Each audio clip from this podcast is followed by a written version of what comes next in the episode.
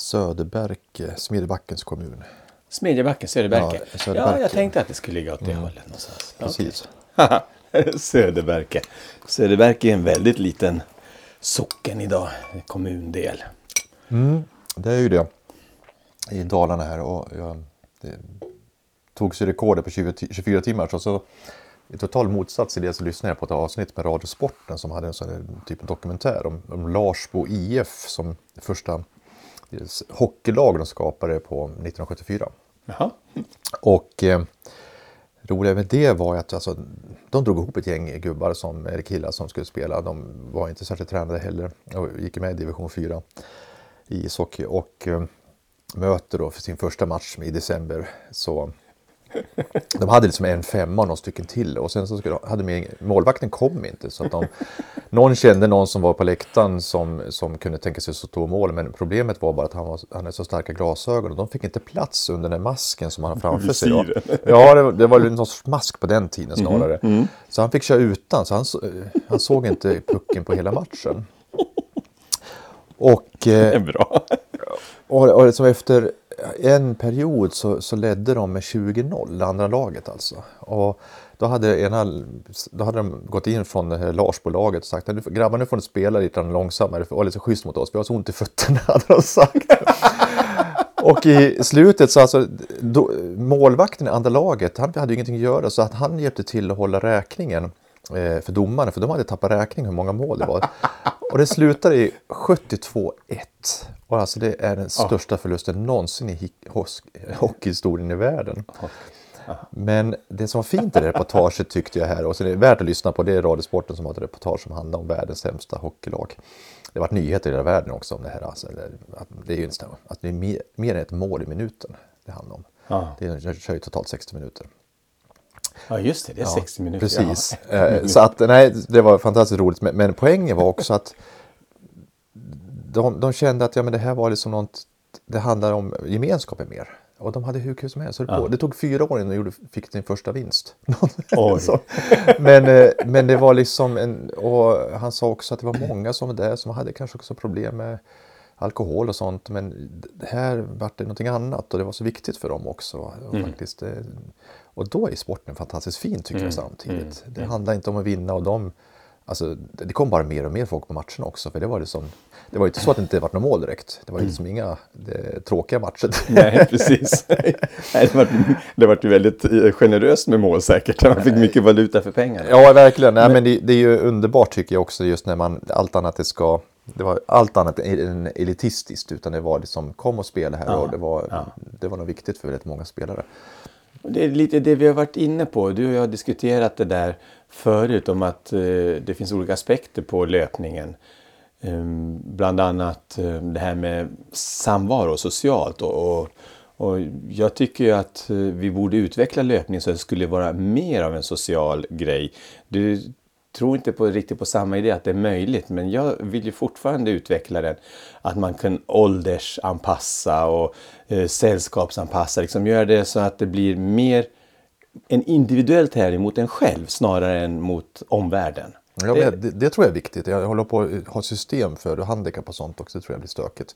Det tror jag. Ja, men jag, det har vi pratat om förut. Men, men poängen tänker jag att det är viktiga är snarare just de, det, det, de egna framgångarna det handlar om snarare. Att, att man själv känner och vi, vi kommer ju beröra det här lite mer också utifrån dina tankar här. Men det tror jag är jätteviktigt att man känner att ja, men det här är någonting som är för, för egen skull. Och, det spelar ingen roll om jag kommer sist inte utan det är någonting annat. Ja. Eh, Larsbo IF, de, de förlorade varenda match under fyra år. Det tog fyra år innan de fick första vinsten. Ja. Eh, men det var inte det viktiga. Nej, resultatet var oviktigt. Det var viktigt att träffas och få spela hockey och, och göra match ibland. Eh, och, och kan det här dra... Alltså, gång på gång så ser jag liksom rapporter som visar samma sak. Ja, men skulle fler röra på sig så skulle vi faktiskt kunna dra ner på medicineringen i högre grad. För att det är likvärdigt med fysisk aktivitet och likvärdigt många gånger med antidepressiva medel och sånt.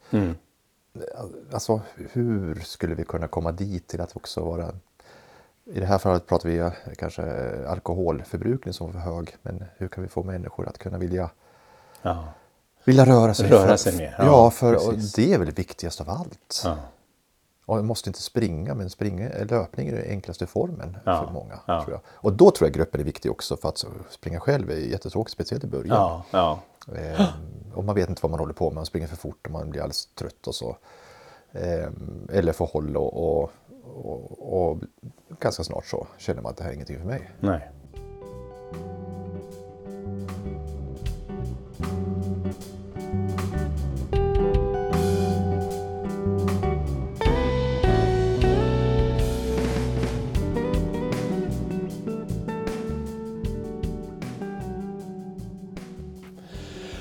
Ja hörni, välkomna kära vänner till ett nytt avsnitt av Löparens själ i samarbete med Sweden Runners. Vi har kommit in en bit på hösten nu och vi tänkte prata om lite allt möjligt idag. Bland annat sånt som Larsbo IF. Jag tycker det är ett underbart exempel, Janne.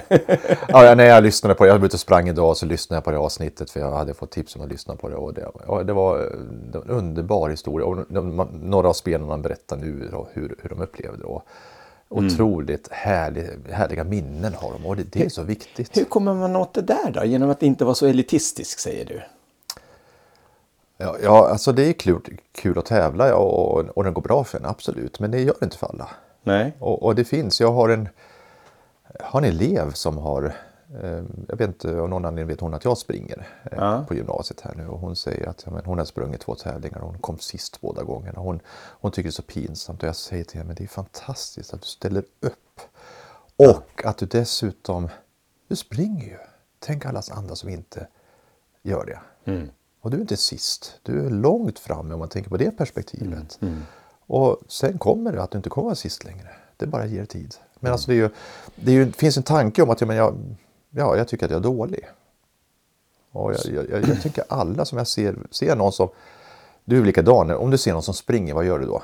Alltså kör bil eller något sånt där. Eller blir avundsjuk. Du blir avundsjuk och man tittar alltid efter också. Ja. Vem, vem är det där? Ja, och tittar, tittar lite på löpsteget och tycker, ja, vad duktig och fort det där gick. Och ja. Man gör en liten analys och sånt där. Ja, och, precis. och, och alltid tänker jag nästan alltid samma sak. Ja, men vad bra att just du är ute, brukar jag tänka. Jaha.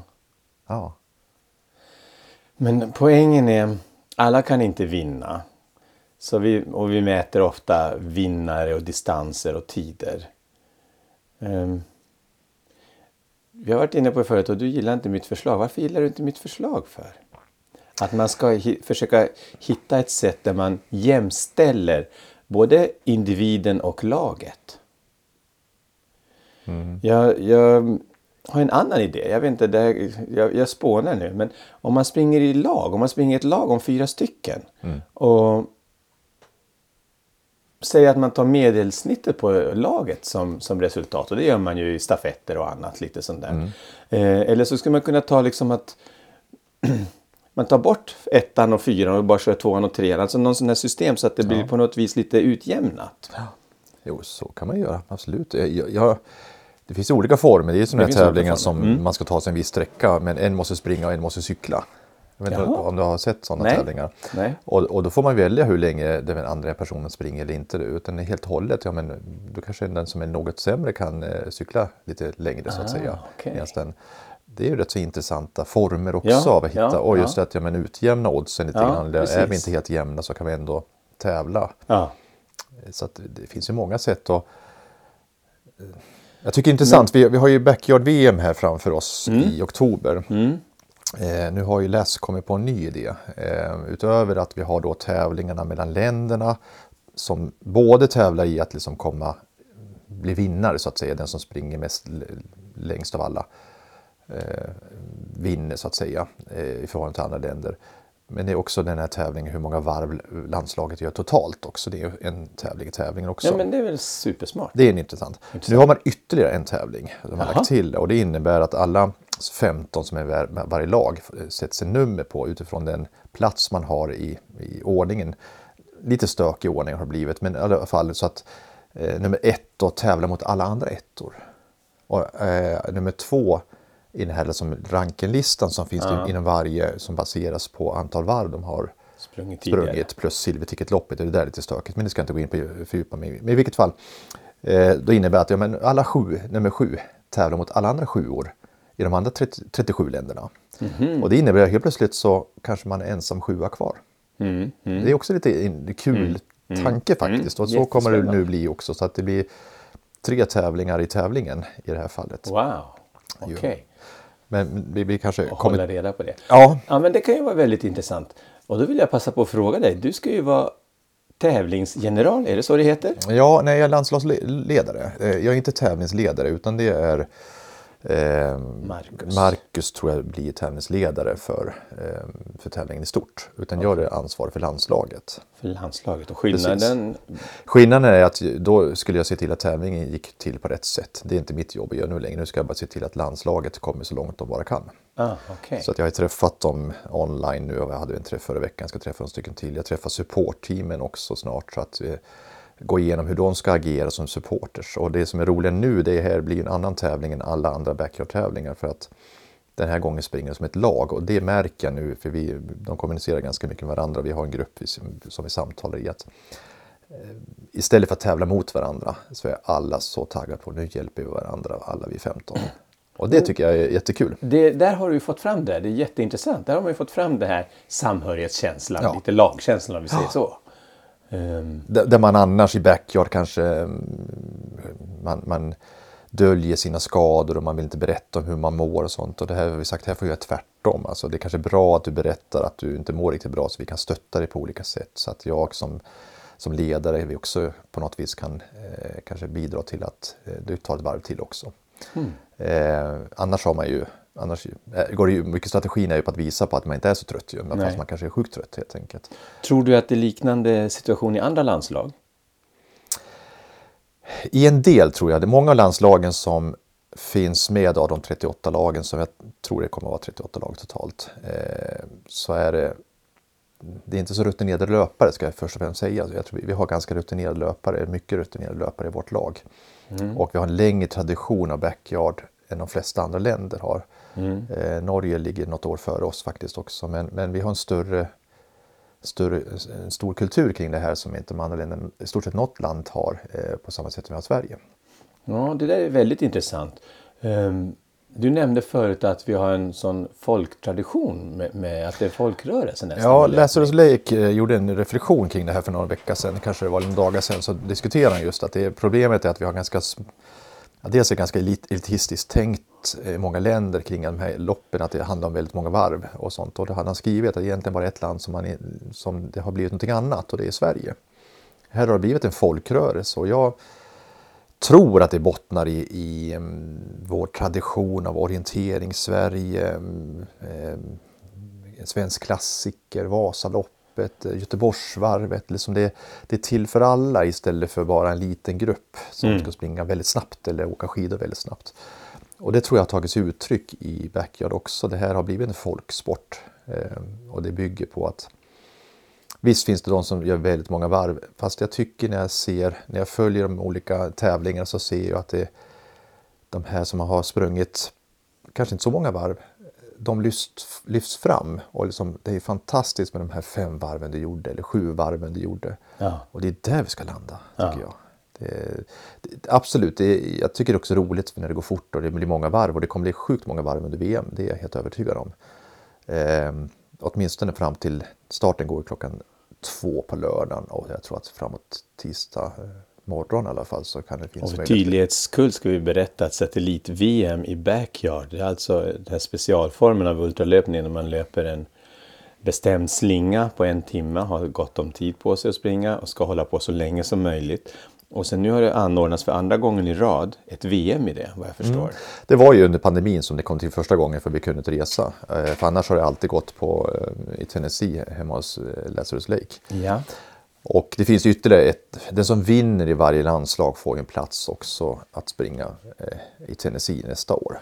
Under VM där så att säga. Okay. Men i vårt fall också blir det extra kul för vi har ju också Norge med oss samtidigt. Så att eh, Norge kommer att tävla tillsammans med oss. Det är också en form av samarbete. Ja, precis. Samarbete samtidigt så får vi inte springa tillsammans åt samma håll. Utan Norge springer åt ett håll och vi springer åt Sverige springer åt andra hållet. Så de kommer mötas på banan varje varv. Och det kan ju bli spännande rent... eh, Och där kommer man ju att mörka. Alltså Sverige kommer ju mörka givetvis gentemot Norge. Ja, just det. Och visa hur då starka de är, vilket de också kommer gentemot oss. Ja. men inom laget. Ja, ja. Så att, ja. Vi, vi är ganska mycket lagom Sverige, liksom laget om. Jag tänker att som, en delförklaring i varför vi kanske har som en sån folkrörelse med, med löpning jämfört med många andra länder. Det, det är att vi, ja, dels har vi mycket natur i Sverige förstås och möjlighet till att utöva olika sporter. Men framförallt så tänker jag att vi är en sån här inkluderande, eh, kompromissvillig, lagom eh, mentalitet. Kan jag tänka är viktigt. För du har rätt. eh, Jag brukar tänka på när jag var ung och var ute och, och eh, reste i Europa så ofta när, när jag träffar andra killar från andra länder så frågar jag vad tycker ni om Sverige då? Ja, alla är så sportiga, sa de jämt. Och ni har så snygga sportiga tjejer, sa alltid killarna. Och det var oavsett om man var i Frankrike eller Italien var man var. Så det var liksom utmärkande för Sverige att vi var så sportiga. Jag har inte tänkt på så mycket sedan dess, men, men det kanske är så. Ja, i viss grad. Samtidigt så ser vi att de här eh, stora loppen och sånt minskar i antal deltagare också. Så jag tror att vi har I Sverige eller i världs... Sverige. I Sverige? Så, ja, men Lidingöloppet sånt har ju tappat eh, löpare, åtminstone tidigare var det så. Jag vet inte hur det ser ut för i år. Nu är slutet av september inte, men, men det har ju varit liksom en liten stadig nedgång. Eh, och det kan vara också efter pandemin att det har hänt någonting, att vi inte kommit tillbaka till de vanliga loppen. Men eh, vi står nog, står nog inför utmaningen, men fortfarande så säljer ju eh, Vasaloppet och sådana här, det säljer säljer slut ganska snabbt ju. Jag tänker spontant att det där är bara en eh, fluktuation, alltså i den bemärkelsen att man har olika fokus olika gånger i historien. För något decennium sedan var det en svensk klassiker som var målet. Ytterligare en stund tillbaka så var det järn, Ironman som var det ultimata. Ehm, och det, det fluktuerar. Lidingöloppet eh, har varit väldigt populärt. Det var de tidigaste distansloppen då, som var folkliga.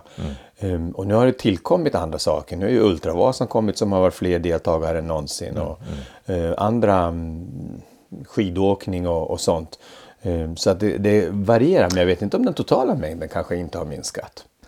Nej, vi vet inte som sagt. Nej, vi vi har inte. ju varit inne på det förut också. Vi ser ju samtidigt att vi har ju problem med den allmänna eh, fysiska hälsan också. Men så att det, det ökar ju också. Så att, Ja. men, eh, jag tror att vi får en distinkt vi får liksom en uppdelning, en dikotomi här emellan att de som bara är mer och mer tränade och de som är bara mindre och mindre tränade så att säga. Ja. De som inte alls gör någonting alls. Jag tror att det, Ja. det här gapet tror jag blir Ja. bara vidare och vidare.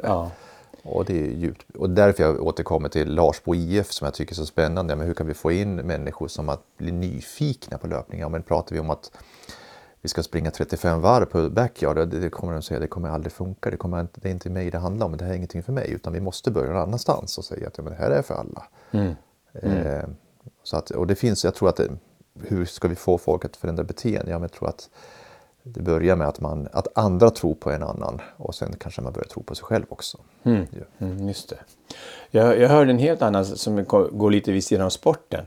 Men det pratas så mycket om att vi idag är, på, apropå din dikotomi eh, i tanke där, ehm, så var det någon som diskuterade det här med politisk eh, vad heter det, splittring när man, eh, som Trump och det har inducerat, alltså man har blivit mer splittrade, alltså mer polariserade. Att den polariseringen i samhället har ökat så mycket. Och det var, då var det forskning som, som visade att det, fanns, det finns olika sorters polarisering. Eh, det ena som de kallar för faktisk de facto polarisering, att man har väldigt olika åsikter. Och vi tror att vi, vi är väldigt polariserade i Sverige och i Europa jämfört med tidigare. Och det är inte sant för att på 60 och 70-talet var det ännu mycket mer polariserat de facto. Men sen finns det en affektiv komponent här, känslomässigt hur vi upplever och hur st- arga vi är och hur sträng, starkt vi håller på våra positioner. Och den polariseringen har ökat mycket. Och, och jag tänker också lite grann på ehm, det här med att en del blir sittande i soffan och andra kommer ut och går. Ehm, jag vet inte om det är så att den delen som är ute och springer, springer otroligt mycket, eller rör på sig, rör på sig otroligt mycket mer. Och den som sitter i soffan är mycket mer soffsittare. Jag är inte säker på att det är så. Eh, Men, men däremot så blir det extremvarianter på båda kanter som vi, som vi fokuserar på och får en mer en, kanske en affektiv komponent i det, eller en tankekomponent i alla fall. Jag tyckte det var tänkvärt att tänka till så. Ehm, Jag brukar ofta tänka i, i medicinska termer så pratar man ju om den här normalfördelningskurvan, Mm. Bells kurva. Och den är tillämplig på ganska många aspekter av Mm. oss, psykologiskt som fysiologiskt. Och den spridningen är ju ganska konstant i det mesta. Ehm, till exempel i längden. Det fanns en viss spridning på 1700-talet, även om medelsnittet var kortare, så fanns det en viss spridning. Och den spridningen är lika stor idag, även om medelsnittet är något högre idag. Så mm, jag vet inte, det är en intressant fundering om, om mm, kanske Bellskurvan, eh, hur pass aktiva kontra passiva vi är, eh, fortfarande håller i sig. Ja, borde man fundera, titta närmare på. Absolut finns ju, vi har ju för lite underlag för att kunna ta en beslut. Och ni som lyssnar skulle se hur han flaxar här nu, eh, Kalman och gör kurvor alltid med händerna och så att det är lite svårt att hänga med kanske. Men, men som sagt, det är den, den här normalfördelningskurvan eller Gardners kurva brukar användas också. Eh, Ni, ni ser den framför, ni som är gamla kommer ihåg hur betygskurvan såg ut på samma Ja. sätt. Det var ju samma sak där. exakt. Men du har ju laborerat och funderat lite djupare på det här som överhuvudtaget varför vi springer. Ja. Och det är lite intressant också. Det är kanske där man börjar, det vi pratar om. Att man, man börjar. Och, och du har gjort en 10-gradig skala och nu ni lyssnare som, som är med här så, så får ni gärna ha synpunkter på Kalmars vilket... Vad är din, ditt svar på frågan som jag får otal gånger, varför springer du Kalman? Ja, Vad, vad, vad brukar du svara gärna när du får en sån fråga? Ja, jag brukar ju säga eh, att det här är ju en, för mig en själslig aktivitet. Du säger att den själv Ja. ja. Men det är intressant, jag, jag satt här för några dagar sedan också. Det är så mycket mer och det är det vi kommer in på, dina tio här nivåer. Som, men, men jag satt här och höll på, jag håller på med en liten studie just nu och jag skulle göra en, be ett antal elever svara på en sak men jag fick inte ihop det med de här olika parametrarna jag behöver för den graf jag håller på att arbeta med. Jag- Jag satt och jobbade vid skrivbordet och datorn och jag fick inte ihop det. Jag tänkte nej, jag sticker ut och springer istället. Jag sprang en kilometer och då bara Då, då föll det på plats. Då föll det plats. Wow. Mm, Det är så häftigt alltså. Och då visste jag precis, ja men det är så här jag ska göra. Jag hade kunnat ägnat mig två timmar till där och inte löst det. Det där är så fascinerande när man rör på sig och man löser problemen. Det, det gör man, det händer någonting. Ja, alltså Vad är det som händer? Bara en kilometer alltså. Ja. Ja. men det är väl helt otroligt. Ja, men alltså det, det är klart att bearbetas, det låg väl latent. Jag tänkte inte ens på det, men det var liksom bara som, som jag vet inte om kom Baltasar på tv som Ja, drog det. i spaken och fick en droppe för jag plötsligt kom man på det. Eller, eh, Eureka. Ja. eh, och, och jag tänkte liksom inte på det utan helt plötsligt bara fanns det där. Ja. Och det är ju häftigt att det, det bearbetades och någonstans måste det ju vara att det är väl eh, substanser som på något vis aktiveras som gör att jag tänker på lite annorlunda sätt kanske Ja. än jag gjorde när jag satt framför skärmen och Ja. passivt försökte lösa problemet. Ja, jag har inte heller något svar på det. Jag tänker precis som du säger att eh, om man tänker på kemisk nivå att man stimulerar eh, både det ena och andra hormonsystemet och jag vet inte exakt vilken som står för kreativiteten och fantasin. Nej. Eh, man brukar säga att det är höger hjärnhalva. Men um, någonting händer, det, det är uppenbart. Mm, absolut. Ja. Och det händer, händer inte alla gånger men förvånansvärt många gånger. Och eh, om man inte annat så kanske jag gör någonting så att jag när jag kommer in igen så kanske jag löser det ändå. Jag, Plats. jag tror att jag har sagt förut att jag brukar ha i genomsnitt två talldankar på varje löptur. Okej. Och, nej, det kanske jag inte sagt. Nej. Jag brukar ha i genomsnitt ungefär två tank, nya tankar. Jag, jag kallar dem idéer, vad du kallar dem för. Det, det är inte alltid rev, mm, jätterevolutionerande. Men det är två nya saker som jag absolut måste lära mig att komma ihåg tills jag kommer hem så jag kan jobba vidare med dem. Det är det svåra att komma ihåg när man kommer hem. Det är hopplöst. Jag får skriva ner det på mobilen. För annars så är de borta igen när Ja. man slutar röra på sig. Eh, Men, men det är ganska intressant att det är två saker som, som faller på plats faktiskt. Ungefär i snitt varje löpning. Det är ganska mycket. Mm, absolut, det är otroligt mycket. Och det är inga mm, Newtonska revolutioner men det är liksom sånt som hjälper mig i vardagen. Ja, Ja, och jag har väl hört någonstans, jag vet inte om det stämmer, alltså med mer eller mindre 90% eller 95% av de tankar vi tänker samma tankar vi hade igår.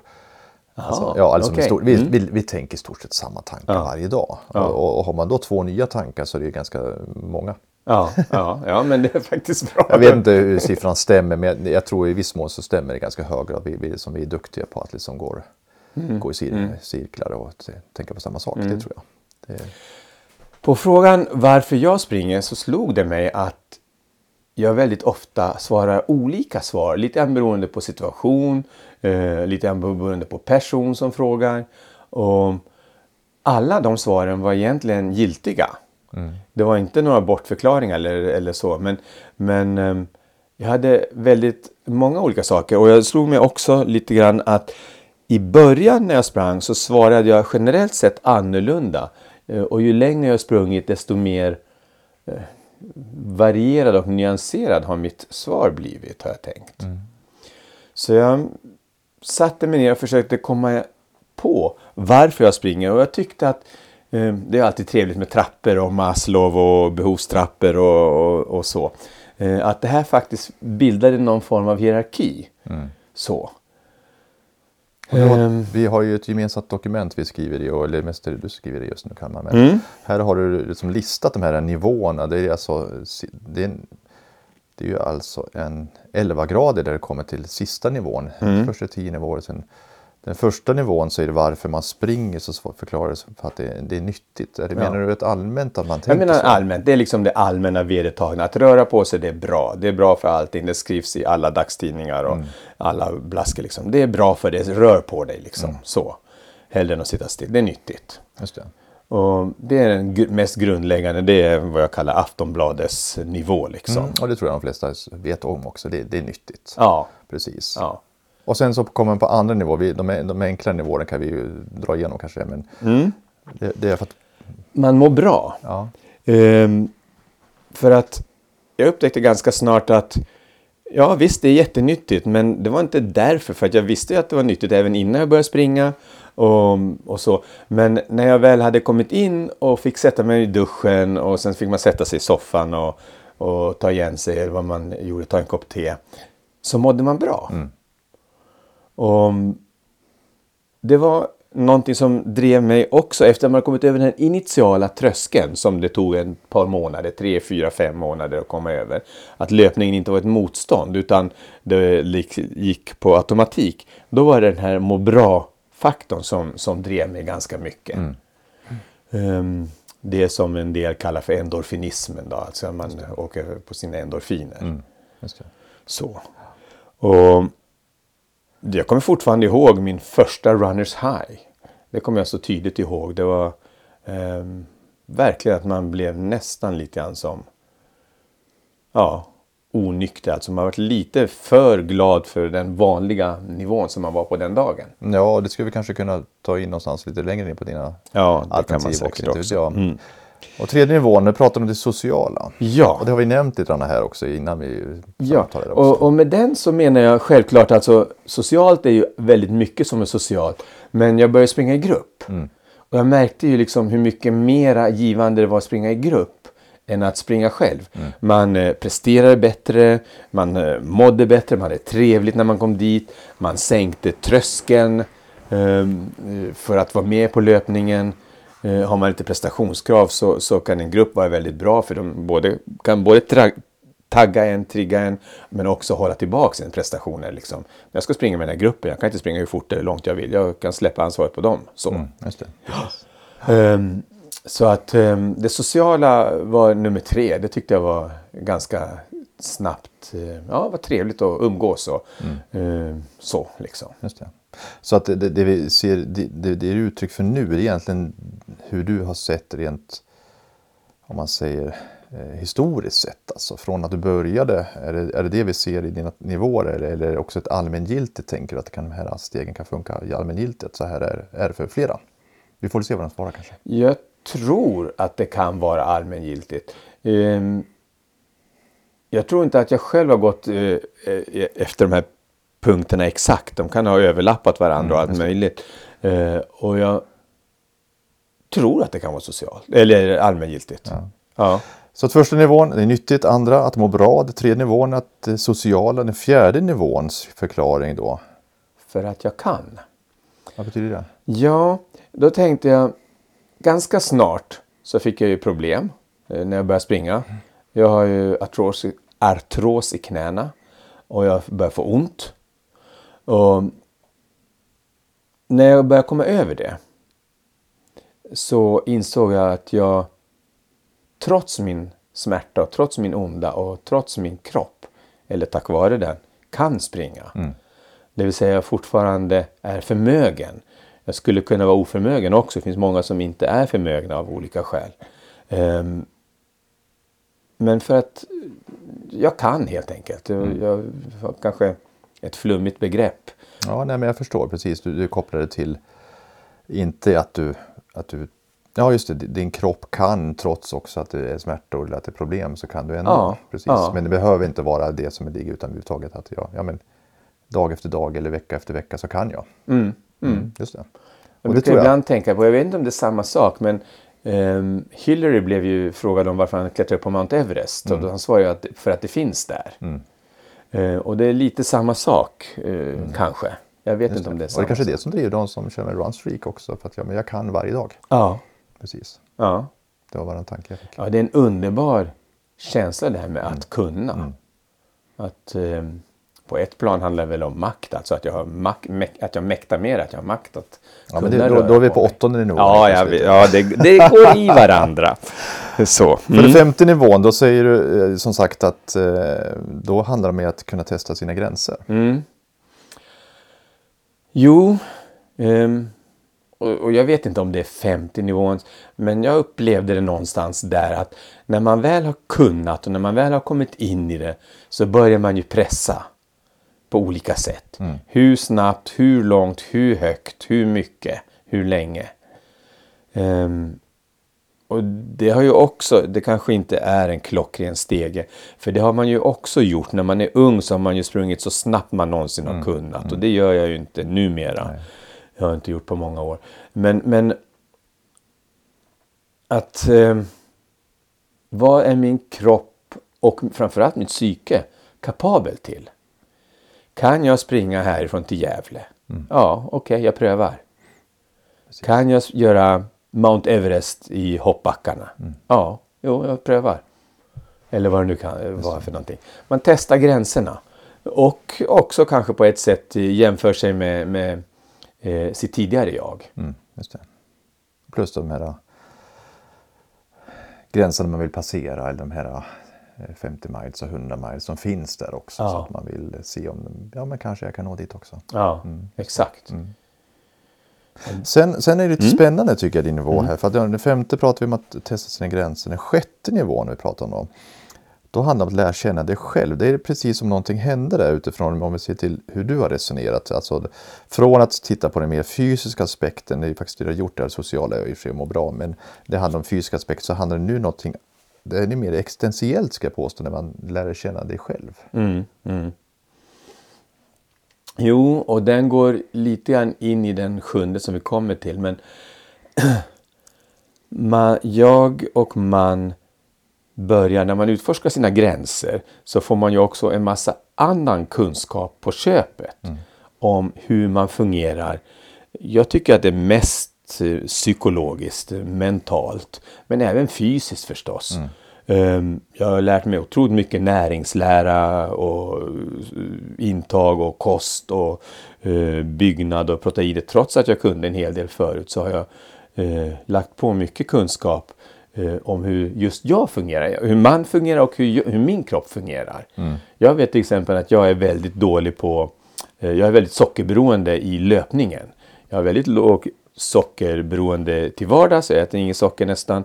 Men eh, när jag springer så måste jag ha snabba kolhydrater. Mm. Eh, alltså det var bara ett exempel. Mm. Man lär sig hur man fungerar både kroppsligen och framför allt mentalt.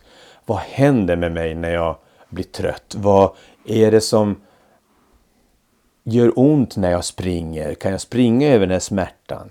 Vad är det som driver mig att springa? Varför vill jag göra det här? Och mycket tankar alltså. Man, mm. man, man ger sig ut på en utforskningsresa mm. om sig själv. Mm. Skulle jag vilja ja, säga. Okej, då är det inte riktigt existentiellt man lär känna sig själv, tänker du? Där Nej, utifrån. jag är nog det, inte där än. Det kommer på de övre nivåerna. Ja, precis. Att, det, att lära känna dig själv är ju eh, både en, både en andlig och en fysisk. Ja. Eh, om, om du pratar, pratar andligt, det är ja. väldigt luddigt vad andlighet är för någonting. Ja. Vilket, ja men då så, vad härligt. Då, då börjar det bli spännande här för nu kommer vi på den sjunde nivån här och då börjar det bli lite meditativt säger du. Ja. Um, det är också en, en resa i sig, alltså det här med meditativt. det som slog mig allra första gången eh, när jag upplevde att löpning var meditativt, det var när jag började meditera. Jag var på en kursgård och mediterade. Och eh, det störde min vanliga alltså kursmeditationen så mycket så att kursledningen sa åt mig att sluta springa på, på övrig tid så att säga.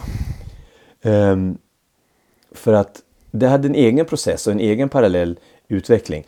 Och, och det meditativa är väl att på något vis koppla bort tankarna. Att koppla bort, jag, vet, jag är svårt, jag kan inte de här term, meditativa termerna, att koppla bort jaget skulle jag vilja säga.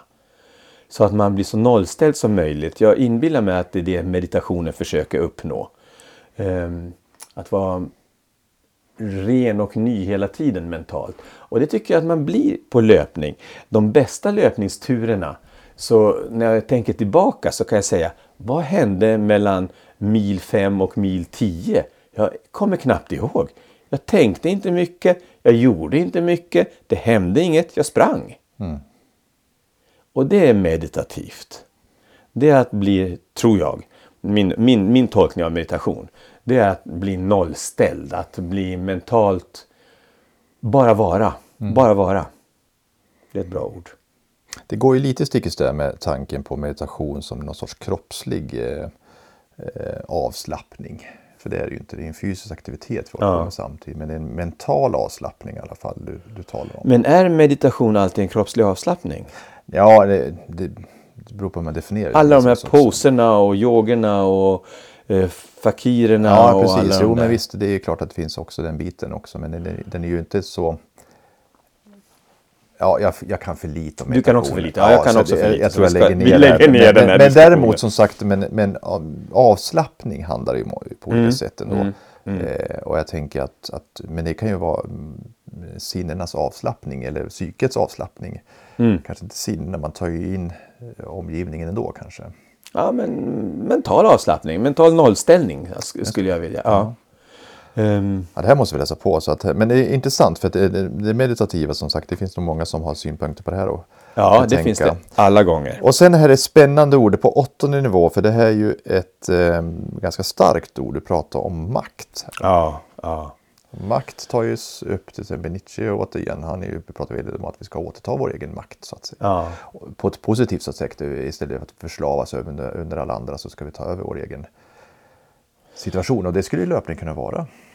Ja, Alltså, makt är ett starkt ord för att den här nivån av upplevelse som jag menar att löpning kan ge eh, om, om känslan av makt är nog bland de starkaste känslorna jag har i samband med löpning och med livet överhuvudtaget. Och med makt kan man säga, ha väldigt många olika definitioner på det. Men för mig så liksom kan det bli till den grad att jag nästan känner mig odödlig. Att man är så mäktig, man behärskar det här.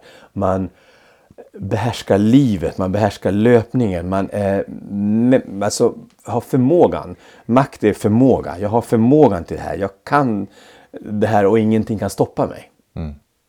Just det. Eh, Det finns en annan, ett annat löparsällskap, Trail Running Sweden, som brukar säga, eh, prata om känslan av oslagbarhet, tror jag de pratar om. Ja, just det. Precis. Det är väl det de har som Idre fjällmara. Idre fjällmara har det som slogan. oslagbar. Känslan av att vara oslagbar. Och det är väl Ja, det jag det, menar. Det, det. Ja, det är intressant. Lite grann åt det hållet. Man är odödlig skulle jag vilja använda. Jag känner mig odödlig. Jag förstår ju självklart att, jag, att jag kan få ont eller någonting. Ja, ja, men, men känslan är den att jag äger min kropp. Jag äger den här, ehm, den här stunden, den här världen, den här bubblan jag är i nu. Jag verkligen är mäktig. är mitt, mitt, min, min tolkning av det. Och du skapar din egen verklighet och den biten Ja, också. ja. Och det här är ju ett spännande som sagt med, rent filosofiskt kan jag tycka. Just det, men, just, men vad är verkligheten? Och för dig är just den verkligheten du skapar, just den, det är det den har makt runt Just det. också. Vad bra, vän, vän, eller bra fundering på det. Ja, det, det, det är mycket att fundera på här. För att sen så kommer det ytterligare ett väldigt svårt ord på, på den nionde nivån om vi, okej att vi går vidare. Ja. Då pratar de om estetik och det är ett svårt ord.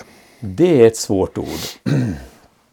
Och jag, den visste jag inte riktigt var någonstans på skalan den infaller. Eh, det är skönheten i sporten. Och då tänker jag nog på skönheten i stort. Ehm, allt från det lilla när någon, jag kan se någon springa och jag kan bli så betagen. Jag kan bli liksom, precis som om jag ser en, en gasell som springer. Det, kan, det, det är så mm. vackert, alltså de kan ju liksom upphäva tyngdkraften och själva löpningen är så skönt. Och sen gasellerna gör de här extra krumbuktiga hoppen, mm. även när de är jagade av djur. Och man vet inte varför. Och man tror att det är bara för att bevisa att de kan. Mm. För att rovdjuret ska tro, veta att ja, men jag är så här stark, så här, så här duktig.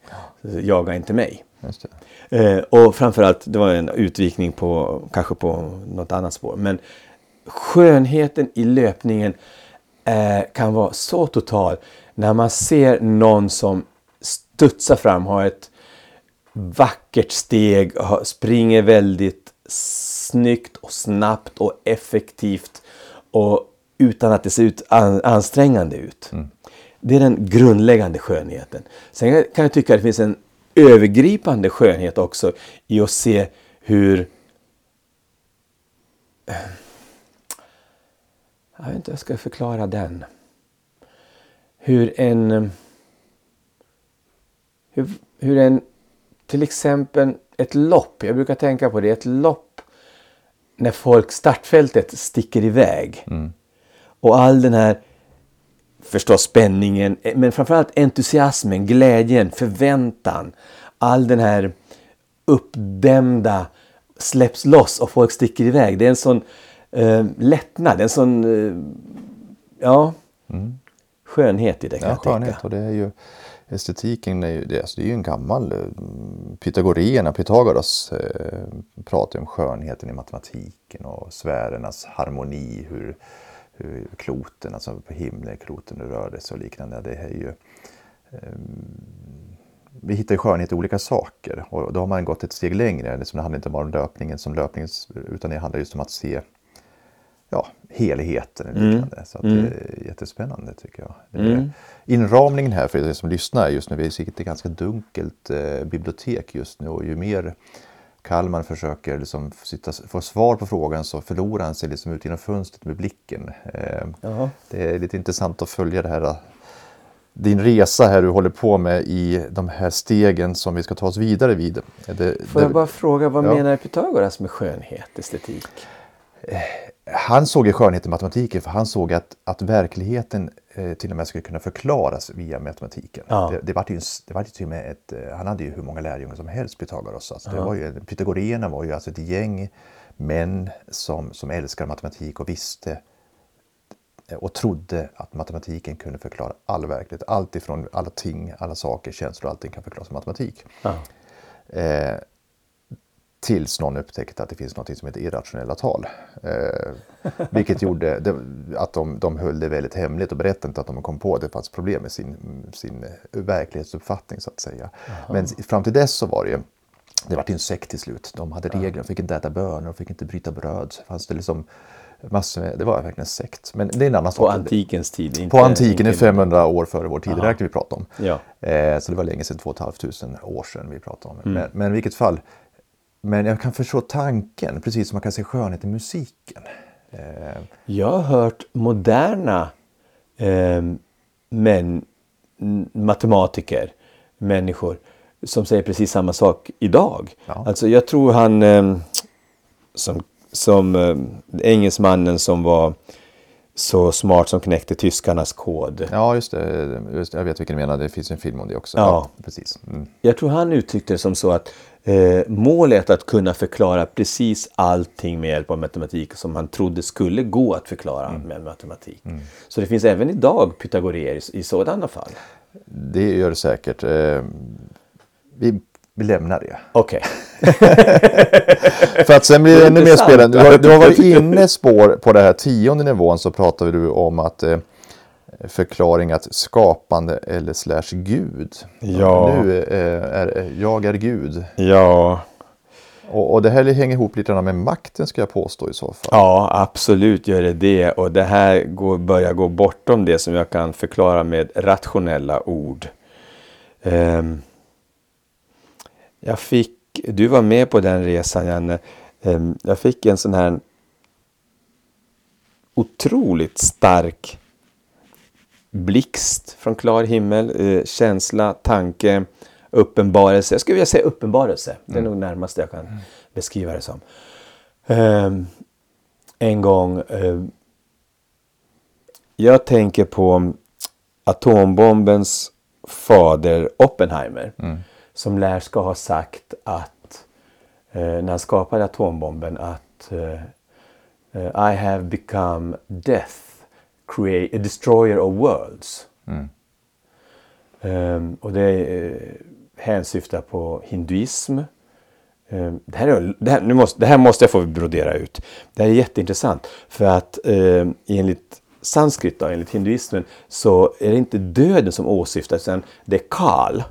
Och kal är tydligen både död och tid. Så att jag har blivit tiden, förstöraren av världar, förstöraren av allting. Eh, förstöraren av liv också, i den egenskapen död. Ehm, och min uppenbarelse var att ja, men det finns en motsats. Det finns också en annan kraft i universum. Det finns inte bara tid, död och förstörelse. Det finns ju också skapande, det finns också Gud, om man nu vill använda det uttrycket. Det finns också kreatören, skaparen av liv. Och det är det jag upplever att löpning kan ge mig i mina bästa stunder. Liksom. Makt. Att jag är inte bara I have become life, the creator of worlds. Det är motsatsen då mot Karl. Ehm, och det är stora ord, jag vet det. Och, och jag ska inte på något vis säga att jag är där eller något sånt. Men jag fick en glimt av det. Jag fick en uppenbarelse att det är möjligt. Att det finns en sån kraft också. Att jag kanske är en liten del av den kraften.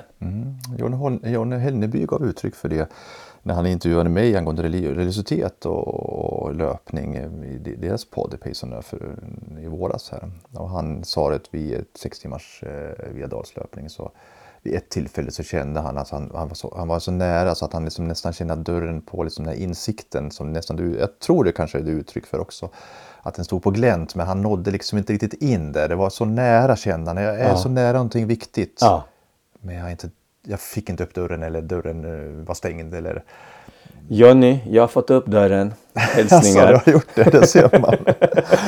ja, och det här är ju intressant som sagt. Nu, nu är vi ute på väldigt osäker mark. Vi pratar om eh, skapande eller Gud eller och så också. Det här är upp till var och en som lyssnar på att fundera på de här frågorna. Och Gud kan ju ta sig uttryck i väldigt många olika sätt. Ja, eh, vet vi också om. Eh, vi är ju i vårt samhälle, vi är ju inte särskilt hängivna de traditionella religionerna men vi är ju väldigt privatreligiösa.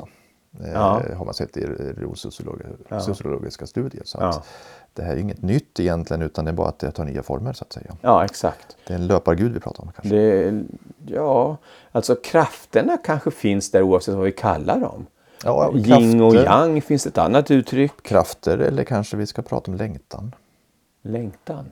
Att det finns en längtan av det här. Jag vet inte. Nu, nu, Mm, ja, men det, det, här, det är du som säger att man får ställa alla frågor, Janne. Det är helt rätt. Ställa frågorna får man.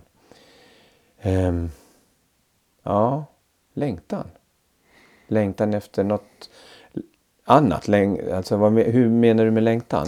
ja, längtan överhuvudtaget. Att vi skulle kunna vara, att nå dit där vi kanske aldrig kommer nå. Det, det finns ju som något önskemål. Alltså, det är som Platons idévärld nästan. Det finns någonting men vi når aldrig dit. Så det finns en perfekt värld eller liknande. Det är det vi börjar nå. Freud hade ett bra exempel på det. Det är väl att vi alla längtade för att klättra tillbaka in i livmodern igen, den perfekta världen. Ja, det skulle kunna vara samma sak precis där tryggheten är. Ja. Och plus att vi kan av svärma oss resten, av skärma oss resten av världen. Precis. Ja. Så att, nej, men visst, det, det finns väl en längtan åt vi har, en, vi, har en, vi har en bild och Platon säger att men, om du har tanken om, säger han, att han menar att har du tanken på att det finns den här grejen, ja då finns det på riktigt. Jag tycker det är lite intressant tanke, bara för att annars hade vi inte kunnat tänka tanken. Nej.